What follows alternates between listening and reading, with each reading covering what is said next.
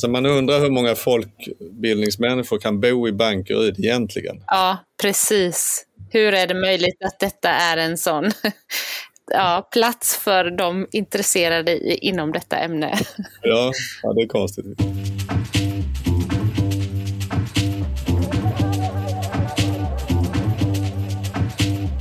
Välkomna till Folkbildningspodden som görs av partipolitiskt obundna tankesmedjan Arena Idé. Jag heter Ola Bo Larsson och med mig här i studion har jag som vanligt Felicia Hedström som är rektor på Jakobsbergs folkhögskola. Hallå! Hallå! I det här avsnittet, nummer 26, kommer vi att fortsätta prata folkbildningspedagogik och estetiska kurser. Det har nämligen kommit en ny avhandling från Linköpings universitet om folkhögskolelärare och hantverkarkurser som heter Att mötas på folkhögskola, en studie om folkhögskolelärares pedagogiska hållning. Och den är skriven av Filippa Millenberg och du är här med oss idag, så välkommen hit. Stort tack! Ja, du är tidigare folkhögskolelärare. Numera är du forskare vid Linköpings universitet. Stämmer. Och nu är du klar med din avhandling. Hur känns det? Ja, men det, det känns bra och det känns samtidigt lite svårt måste jag säga.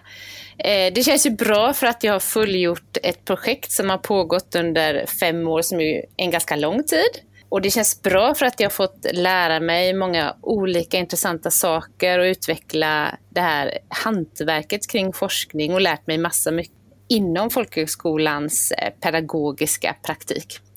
Och samtidigt är det svårt när någonting som har pågått så länge plötsligt är klart. Det är nästan som att hamna lite i ett vakuum och sådär. Eh, men det som också är väldigt roligt är ju att de där idéerna som också väcktes under resans gång, som jag fick skjuta och tänka, det får jag göra sen nu är det också plötsligt sen och då kan jag ta tag i dem. Så att, Finns det något sen som är, som är tydligt för dig just nu?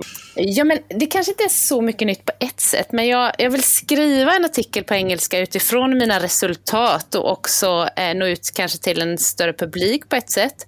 Men också fördjupa delar i avhandlingen där ett av mina mål är att utveckla begrepp för det här. Det tycker jag inte att jag gör i avhandlingen, men, men bidra till praktiken med begrepp som kan beskriva det här eh, kunnandet som lärarna ger uttryck för. Vi ska komma tillbaka till, till detta. I eh, avhandlingens sammanfattning så står det att eh, det, den avhandlingen utforskar pedagogiska praktiker och den lärande vardagen på folkhögskola genom att titta på hur möten mellan lärare och kursdeltagare framträder i hantverkskurser på folkhögskola. Hur kom det sig att du hamnade liksom i det ämnesområdet? Det där är en jätteintressant fråga och när jag började mitt projekt så, så upptäckte jag att det fanns väldigt lite forskning om folkhögskolans praktik. Eh, och då gick jag ut med en stor fråga eh, i min etnografiska ansats. Vad är det som händer här? Vad pågår i undervisning? Och efter ett tag när jag hade varit ute i fältet så, så var det faktiskt mina upptäckter däremot att det är ett återkommande mönster i den här vardagen. Och det handlar om att, att mötas som människor. Det var liksom centralt och det organiserades eh, i olika former, i olika rum med olika syften. Men det här att, jag minns så väl när rektorn sa i inledningen liksom av terminen i sitt tal, så sa han bland annat ingen växer utan möten. Eh, och jag tänker också att det där liksom återkom hela tiden. Talet om möten och också arrangemanget kring möten. Men också möten mellan kursdeltagare och eh, lärare i praktiken. Men då blev jag intresserad av vad betyder det här egentligen och vad, vad, vad, vad är det för något? För vi kanske slänger oss med begreppet, men vad menar vi med det och hur kan man förstå det? Om man läser vidare från sammanfattning så står det att du, vidare, att du utforskar, eller vidare utforskar studien hur den relationella dimensionen av dessa möten kan förstås och vilken betydelse möten har i en lärares praktik. Och det tänker jag tänker lite grann att det är någonting på lite folkbildningens heliga graal och gett dig på jakt ut efter här med den här avhandlingen som den som alla letar efter men ingen har hittat, ingen kan riktigt beskriva på ett bra sätt. Så, jag tänker att det är all heder åt detta mod. Var, var du måste väl också ha tänkt att det skulle kunna vara lite svårt? Ja, absolut väldigt, väldigt svårt. Det är något väldigt vardagligt. Möten. Eh, och när börjar ett möte? När slutar ett möte? Eh, jag gick liksom lite bet i början när jag började prata om det pedagogiska mötet, som om det bara fanns ett möte. Och, så, och då tänkte jag, nej men det här funkar inte. Men sen vid ett seminarium också så var det en annan erfaren forskare som sa, kasta upp alla möten, upp med möten, hur de ser ut, all variation du kan få. Eh, och då, då fick jag liksom lite skjuts in i det där att faktiskt eh, försöka beskriva så konkret som möjligt hur de här mötena tar sig uttryck. Men, men som du säger, klurigt är det ju också. Men, men det var nog något envist kring att det här är så betydelsefullt i den här praktiken. Så det är, det är värt att liksom försöka eh, kämpa med det. Ja, för visst tar du med möten som också är att man skriver något på Messenger eller man skapar en grupp på Facebook, det karaktäriserar du som möten också eftersom den här studien är gjord under stora covid-händelsen i samhället. Precis. Ja, men det är jätteintressant att du säger det Felicia, för det är ju också en typ av möten som, som kanske traditionellt sett inte riktigt har liksom klingat lika gott i vår folkbildningspraktik som de fysiska mötena. Eh, men här framträder de ändå eh, i de formerna och de har en betydelse även i de formerna. Eh, och det tyckte jag var intressant för det var inget som jag hade planerat. Det blev ju en pandemi. Ja, det är lite mumma nu eftersom man från Folkbildningsrådets håll har lite ögonen på våra digitala kurser eller våra, eh, de har kallats lite olika genom åren, men våra distanskurser och just använder det här mötet tror jag som en som någonting man, eh, en lins som man kollar genom. Mm. Så, så därför är din avhandling extra spännande, tänker jag, för att den dimensionen finns också, även om du inte du gör ju ingen jämförande där va? mellan vad hände före och efter eller så. Precis, och det där har jag faktiskt fått lite så inspel kring att jag borde kanske, under resans gång så sa en del, det här är så intressant, det här borde du skriva om. Och det kanske får bli nu sen också, men men jag tänker också att, att det faktiskt, det, utifrån mitt material så kan man också tala om att de här mötena har olika förutsättningar och ser ut på olika sätt digitalt och fysiskt. Eh, men att det är också viktigt att, att eh, skapa kunskap om kring hur man kan tänka kring de här olika formerna av möten och dess betydelse. Så att det vore intressant att närma sig det där lite mer konkret. För att i det här fysiska rummet så är ju mötet av en karaktär som gör att lärarna blir oerhört frustrerade när det blir digitalt. Och där finns det också mer att, att skriva om och ge uttryck för, tänker jag. Lärarna blir ju där berövade sin, liksom, ja, något jättecentralt i deras praktik. Ja. Jag tänker vi kan, eh, vi ska absolut komma tillbaka till just det här med, med mötet och eh, vad det vilka olika slags möten och så. Men när man eh, har hört talas om en ny avhandling så värjer man ju sig lite grann för det är ofta ganska mycket. Det är ganska mastigt men, och, och man blir väldigt nyfiken på vad kom den här, vad, är, vad kom man fram till? Och då tänker jag för våra lyssnare som inte har läst eh, avhandlingen och eh, som kanske inte känner att det hinns med i, eh, i vardagen. Vad är slutsatserna från din eh, avhandling? Ja, men jag tänker dels att, att den visar hur det finns en tilltro hos de här lärarna till mötet som ett pedagogiskt verktyg. Eh, och det jag tänker att, att avhandlingen bidrar med det är att tala om de här mötena, inte bara som något socialt, utan både och socialt och pedagogiskt. Eh, och att det är så tydligt att, att för lärarna så är vem deltagarna är och vad som ska göras i undervisning, alltså i processen undervisning, och vad kursen ska innehålla. Det liksom kräver mötet med deltagarna. Vem någon är är viktigt. Och hur får man reda på vem någon är? Jo, genom att mötas och vara i möten och vara lyhörd för den, det samspel som sker där. Jag tänker att det är då också att det visar att, att det verkligen är ett pedagogiskt verktyg. Det är i mötet jag kan veta vad kan nästa steg bli här? Vad, vad ska vi lägga tyngdpunkt på? Var är du på väg? Och det i botten, tänker jag, rymmer en förväntan hos lärarna på att möta ett vem. alltså deltagarens livsvärld, men också nyfikenhet på vem kan du bli här under resans gång? Och då måste man stämma av det längs väg hela tiden. För, för det där förändras. Så vad är det nu? Alltså det handlar nästan om att söka positioner i en slags lärandeprocess. Eh, och det tänker jag att betydelsen av mötet i det pedagogiska arbetet tycker jag nog att jag visar i avhandlingen genom att beskriva det som en eh, pedagogisk hållning som, som kännetecknas av lyhördhet, öppenhet och nyfikenhet inför deltagarnas vem eller livsvärld som jag benämner det.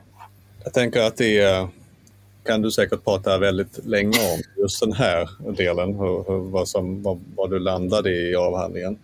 Men, men om vi lite grann bara går till hur du, hur du går tillväga, lite konkret beskriver vad du har gjort eh, mm. rent metodiskt. Så. Hur... Ja, ja men jag gav mig ut eh, till lite olika folkhögskolor i början eh, och var där för att försöka liksom eh, följa det som hände och pågick eh, och näst, ja, följa med i skeendena under dagarna tillsammans med lärare och kursdeltagare i kurser. Eh, och skaffa mig en uppfattning om vad är det som pågår här. För att när man undrar så här, vad är det som sker här, vad händer i den här praktiken? Så är det så mycket som sker som om man skulle intervjua så här så skulle man inte få syn på allting. För att människor tar saker och ting för givet som man inte pratar om och man ser inte själva görandet. Så jag gjorde fältstudier till slut på en skola där jag följde ett lärarlag och eh, hantverkskursdeltagare under ett och ett halvt år. Och i början var jag ganska så distanserad, ville inte riktigt ta del och var lite försiktig. Och allt eftersom jag lärde mig så blev jag mer och mer delaktig och själv till slut satt och drejade, ni vet vid en drejskiva så här, för att liksom komma nära det här fenomenet möte. Ja, men jag var en, en deltagande observatör som var ganska så involverad i själva görandet i kursen också. Kallas, alltså det är etnografiska fältstudier du har gjort, är det så man ska beskriva det? Precis. Eh, och eh, sådär, etnografi är ju en, en slags metod som jag har använt mig av för att lära känna liksom en kultur eller ett sammanhang genom att ta del av det som görs och försöka förstå normer, värderingar och förhållningssätt i den här, i den här kulturen. Och sen kan man följa på olika sätt. Ja, dygnet runt och bo på skolan. Man kan också dimpa ner där lite då och då. Jag var kontinuerligt eh, varje vecka, men inte hela veckor. Eh. Hur resonerade du i det valet? Där? För då valde du en skola. Du kunde ju, jag menar, folkhögskolor ser lite olika ut och hantverkskurser ser också lite olika ut. Det finns ju också studieförbund som har många estetiska kurser och så. Och vad missar du då? Ja, ja men jag tänker att, att jag missar ju variationen i eh, hantverkskursernas fokus kanske. kanske. En del av folkhögskolornas eh, hantverkskurser pratar vi om, eller estetiska kurser som lite mer ja, men som har ett väldigt fokus kanske på en viss inriktning. Ibland har man talat om spetskurser. Eh, man har också talat om hobbykurser, lite slarvigt kanske. Att, att jag får ju inte med hela det spektrat av variationen av kurser som finns. Eh, men jag valde det därför att jag kunde gå på djupet till, kring själva fenomenet möten. Att följa det och, och utforska det över tid på en och samma skola.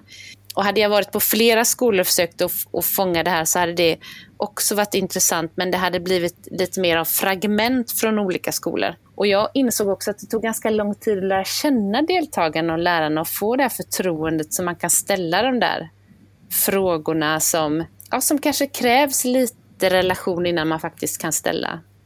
Du pratar också, när vi, om vi är inne på metoder, så, så pratar du om ett, eh, nu kommer ett väldigt långt ord här, livsvärldsfenomenologiskt perspektiv. Det är ett stort begrepp och en, en eh, en tradition inom, inom fenomenologin som har många olika inriktningar och jag lutar mig ganska mycket mot Merleau-Ponty som är en, åt det existensfilosofiska hållet inom den här eh, traditionen. Men man kan kort säga att det fokuserar på hur människor erfar och förstår världen runt omkring sig. Så samtidigt som vi delar en och samma livsvärld, alla människor, så har vi också vår unika livsvärld. Eller om man skulle säga personliga uppfattning och verklighet som baseras på de egna erfarenheterna, kulturell bakgrund, relationer och andra faktorer. Eh, så samtidigt som vi delar en och samma livsvärld men också har vår unika egna möjliggör också att vi kan förstå varandra. Eh, och då är det också ett dialektiskt synsätt egentligen snarare än ett dualistiskt. Alltså människa och kropp är sammanflätade.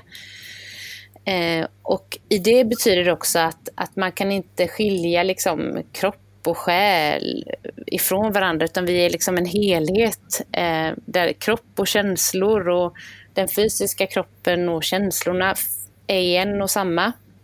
Som också gör det möjligt att erfara världen. En annan viktig del i det här är ju också att man tänker att direkt när vi erfar något, när en lärare erfar i ett klassrum en situation eller ett skeende, så skapar det skeendet också direkt en, en mening. Eh, vi tolkar och förstår, erfar spontant det som händer och hinner kanske inte ens riktigt liksom, vi hinner inte reflektera över det utan vi erfar spontant.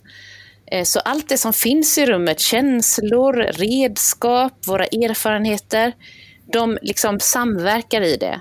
Ibland kunde jag fråga lärarna så här, ah, varför gjorde du så där? Och då kunde de säga, gjorde jag?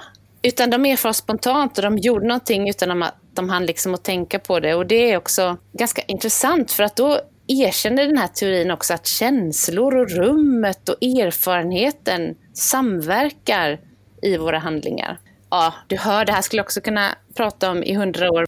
Ja, men jag, jag tänker om man eh, knyter ihop det med det här som eh, Ola började med, att du gav dig på den heliga graalen inom folkbild, eller folkhögskolan. Alltså vad är det vi gör som funkar? Vad, hur kan man sätta ord på det?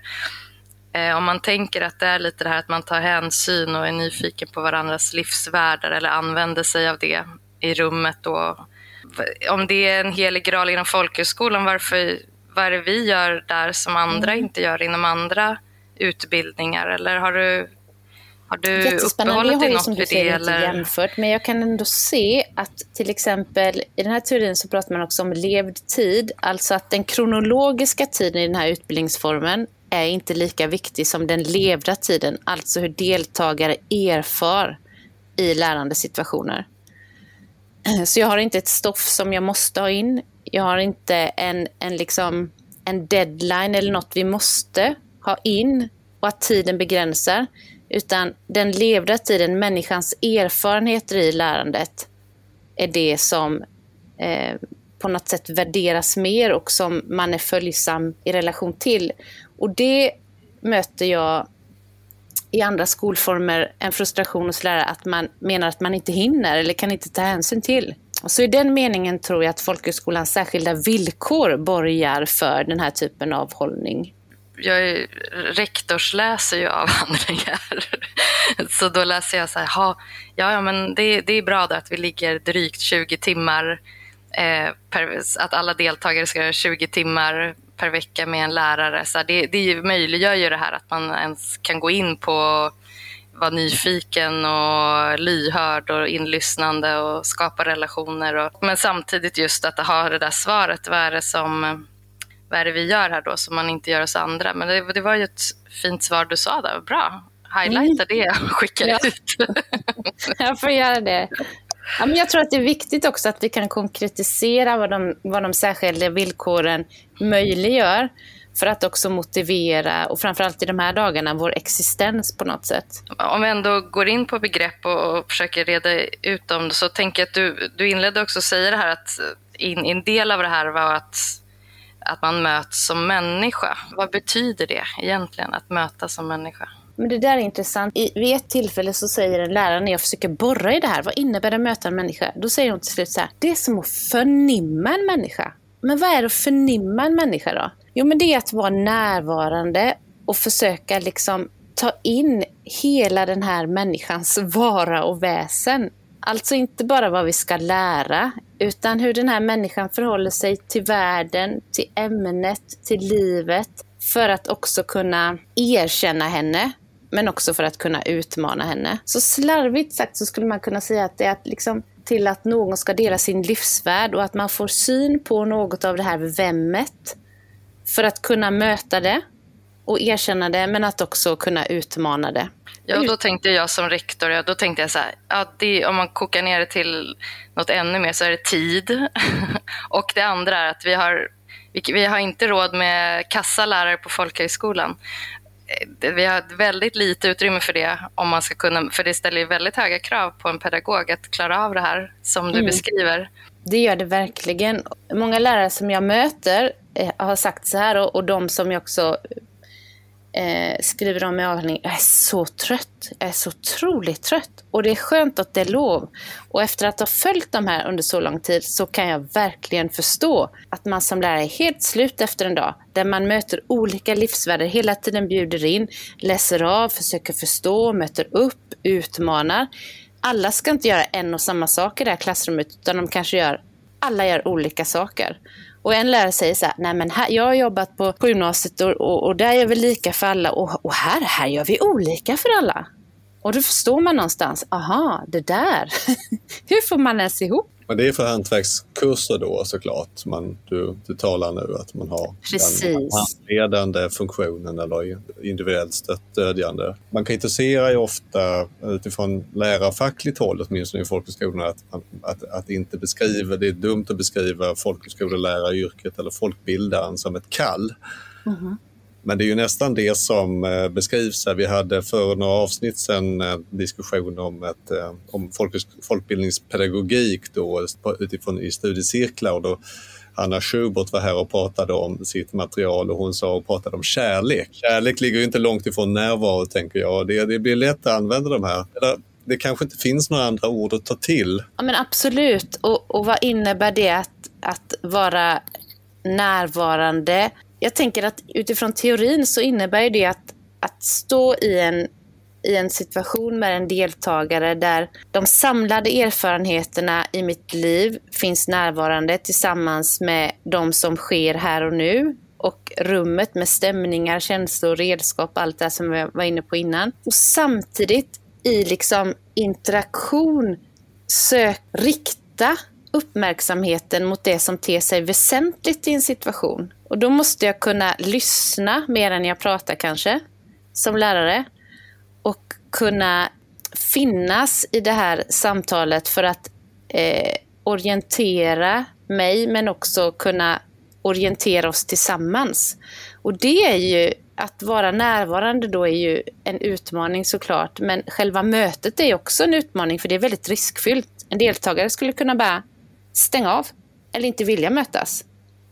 Och då har den här närvaron ingen, liksom ingen betydelse på något sätt. Ja, för du, och du går ju in på mm, det här med att det inte finns några kursplaner och att eh, och sen så går du, sen i nästa stycke så berättar du också att jo men det finns ju faktiskt, det är ju vissa inom fritidsledarutbildning så har man gått samman till och med och bestämt vissa riktlinjer och sådär. Men hur det, hur det spelar roll för mötet, det här eh, lyssnandet och kan du utveckla det lite hur du mer, var, bättre än vad jag säger, refererar till i din... Jag tänker att, eh, att när man inte har färdigdefinierade kursplaner så ger det större utrymme för att vara närvarande och följa deltagarnas process.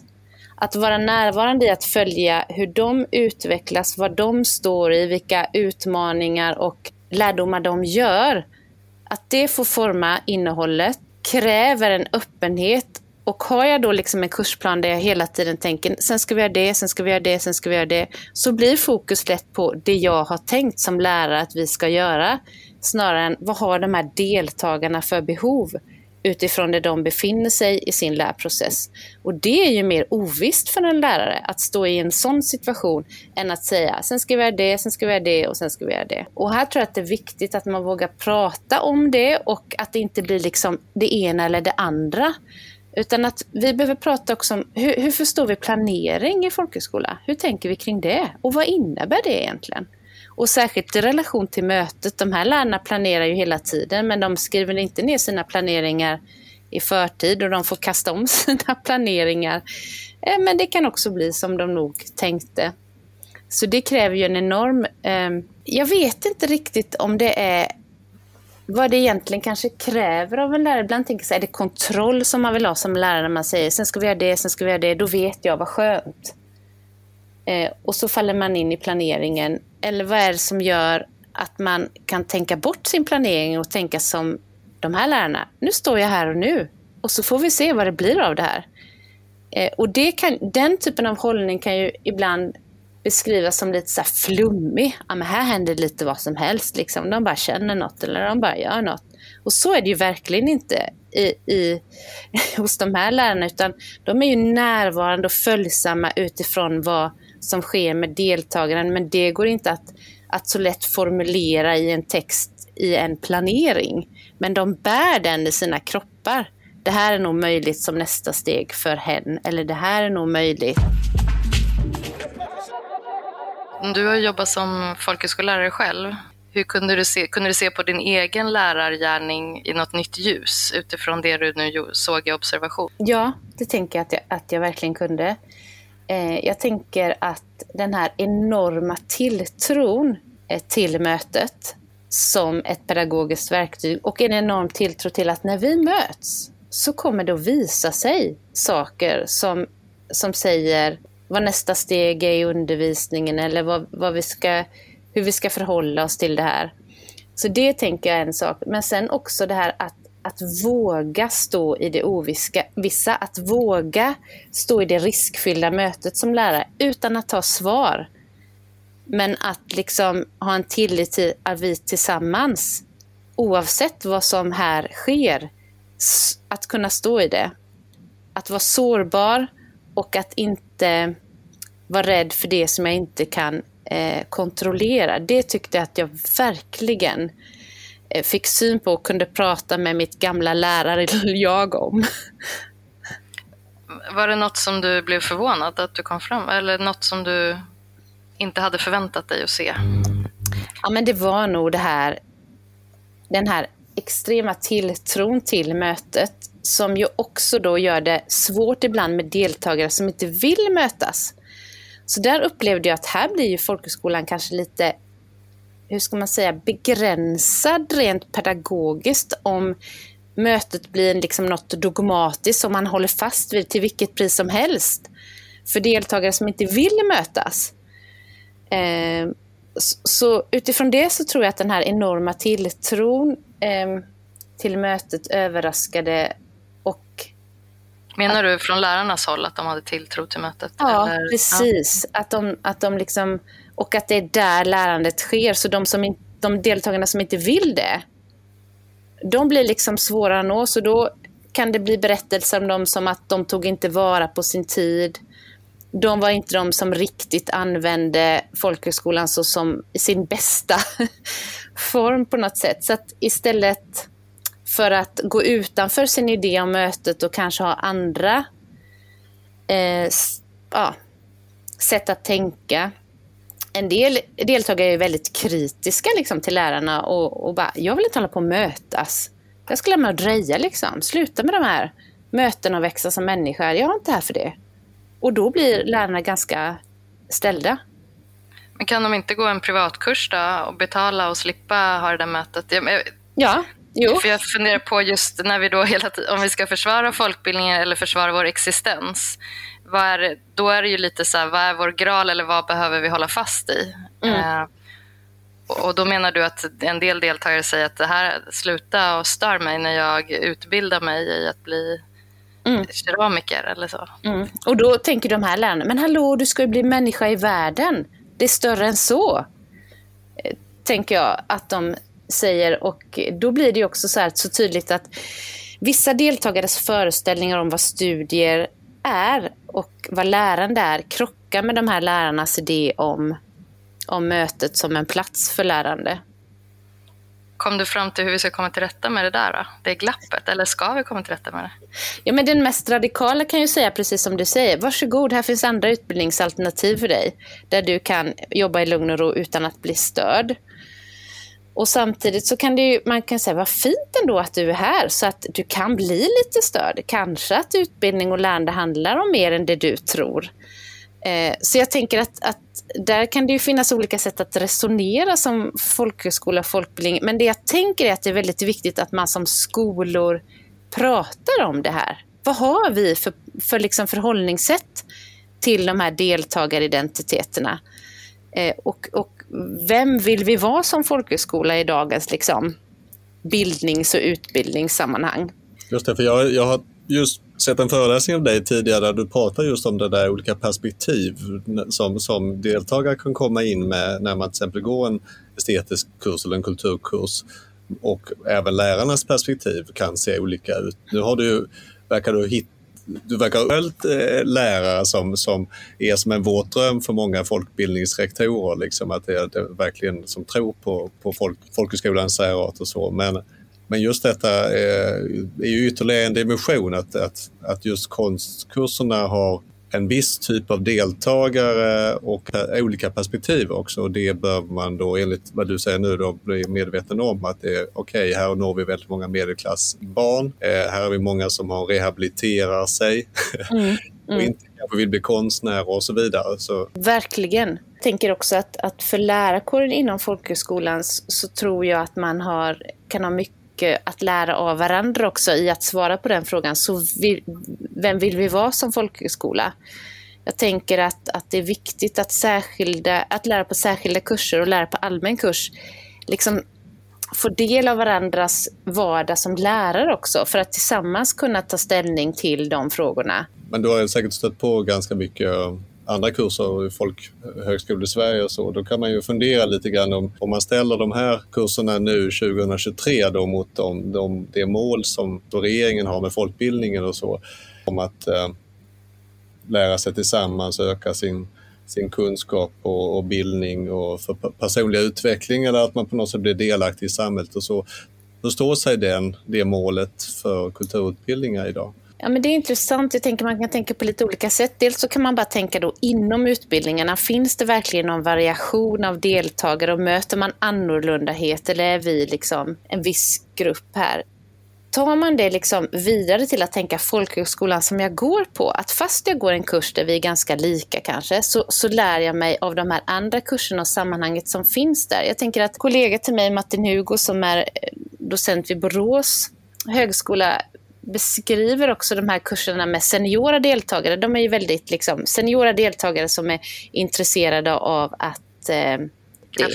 Eh, och så beskriver han hur de under sina studier möter unga människor i de andra kurserna som det sker ett lärande av i de gemensamma kaffestunderna, fikastunderna. Och det är det som några av dem beskriver som det viktiga lärandet. Eh, och då skulle man kunna använda den typen av resonemang som att säga det är kanske inte så himla farligt om vi är väldigt lika på en kurs. Om vi använder folkhögskolan i stort som en mötesplats där vi kan mötas. Eh, det är ett sätt att se på det.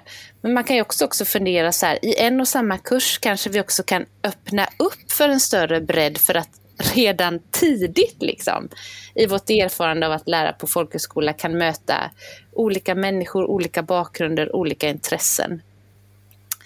Ehm, så jag tror inte att det ena behöver utesluta det andra, men vi behöver naturligtvis reflektera och tänka kring hur vi kan liksom arbeta med, med, med att öppna upp för många olika människor att träda fram i våra kurser som vi erbjuder.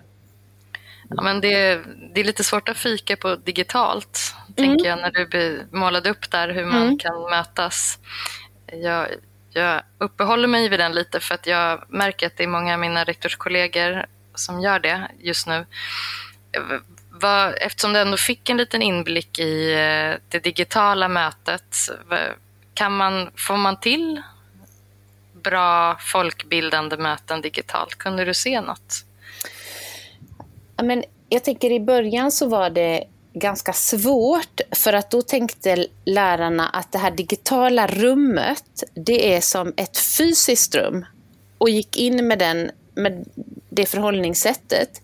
Men allt eftersom de kom på att vi behöver använda många olika digitala redskap för att hitta olika sätt att kommunicera med olika deltagare så kunde det ju bli möten dem emellan som var ganska eh, som var lika hur ska man säga, närvarande och lika konkreta eh, i relation till det som skulle läras och vem de är som människor. Men för gruppen i mitt material, det blev svårare att fånga gruppen att lära av varandra, att ta del av varandras vardag. Och där har jag tänkt jättemycket kring digitala verktyg och hur man kan designa liksom, utbildning och kurser för att också få till det. Ja, men ni vet de här stängda kamerorna. Så här. Vad ska man göra? Hallå, kan du slå på din kamera? Hur får man till dynamiken? Alltså det, det finns olika verktyg som skulle kunna skapa flerstämmighet. Eh, men eh, det, det, krävs ganska mycket för att få till det. Och där har jag inga svar egentligen, men jag klurar mycket på liksom det är inte så svårt att få till enskild dialog med deltagare utifrån mitt material, men att få gruppen att mötas och lära av varandra. Det är liksom lite mer eh, klurigt. Ja, jag förstår att du, det, är inte, det är inte alls det din avhandling går ut på, men du, det, eftersom det ändå berör det, du berör ju också lite eh, allmän kurs där man faktiskt har, där man inte har lika fritt mm. som på särskild kurs. Där, där blir man bedömd och mm. där har man eh, ett annat, man måste förhålla sig till ett visst innehåll. Så du nämner några sådana grejer. Sen så berättar du också lite vad man skulle kunna göra för forskning framåt. Kan du inte berätta lite vad du kom fram till att man skulle kunna fortsätta efter det här? Ja, men, ja en sak tänker jag är att, att titta på allmän kurs då. Finns det här mötet där på samma sätt eller på ett annorlunda sätt? Eller hur tar det sig uttryck? Det tycker jag vore jättespännande att, att, att ta reda på och utforska. Eh, och sen tänker jag att det också vore spännande att, att titta på det från ett deltagarperspektiv. De här som liksom tyckte att mötet skavde för dem på något sätt, de skulle jag vilja prata med. Eller de som tycker bara, ah, det var så himla härligt. Liksom. Jag tyckte aldrig det var ett problem i den här praktiken. Hur resonerar de? Och kunna få det perspektivet också tycker jag skulle vara så värdefullt. Så när det gäller mötet liksom som fenomen så tänker jag att det, det vore intressant. Titta på allmän kurs men också titta på ett deltagarperspektiv. Eh, och också har jag tänkt att det vore spännande att titta på det utifrån en studiecirkelkontext. Så tror, men, mm. men allmän kurs blir också väldigt spännande tänker jag för att där kan det bli ett försvar också. Nej, men vi har inte lika stor frihet eller möjlighet. Liksom. Vi är knutna till det där. Men att problematisera det, tänker jag. Hur knutna är ni egentligen och vad går liksom gränserna för, för frihet och det som är typ olovligt, om man nu slarvigt skulle kunna säga att det finns något sånt. Då vet vi vad som eh, kommer härnäst då. Eh, klockan börjar rinna iväg här och att vi börjar lida mot sitt slut. Jag tycker att det har varit jättespännande att få samtala om detta. Det är verkligen ett intressant område, hantverkskurser och estetiska kurser både på folkhögskola och i studieförbund. Ja, och framförallt just att få forskning nu. Det kommer ju inte så mycket forskning om folkhögskolan. Du, du skriver det själv och vi vet det, så jag tänker när det kommer något nytt så kastar man sig över. Vi har redan hunnit tar vi tacksamt emot. Så fortsätt med de där andra grejerna. Jag har, jag har en ja. lista här på saker. det är bra. Det är bra Felicia. Vi får hjälpas åt nu också tillsammans. Praktik och akademi och Ja, nu har vi ju fler eh, som är ute och forskar och vi, det har kommit, tillkommit medel det senaste året bara. Ja. Så att... Det är sant. Mm. Så Felicia kommer att höra av sig snart Filippa till dig och kolla om hur det går med hennes lista nu gäller det att jag jobbar på här då alltså. Ja, ja, ja, ja det, den är bara några av fyra sidor här. Men eh, tack så hemskt mycket Felicia Hedström och Filippa Millenberg för att ni ville vara här tillsammans. Det, tack till mina Arena Idés folkbildningspodd.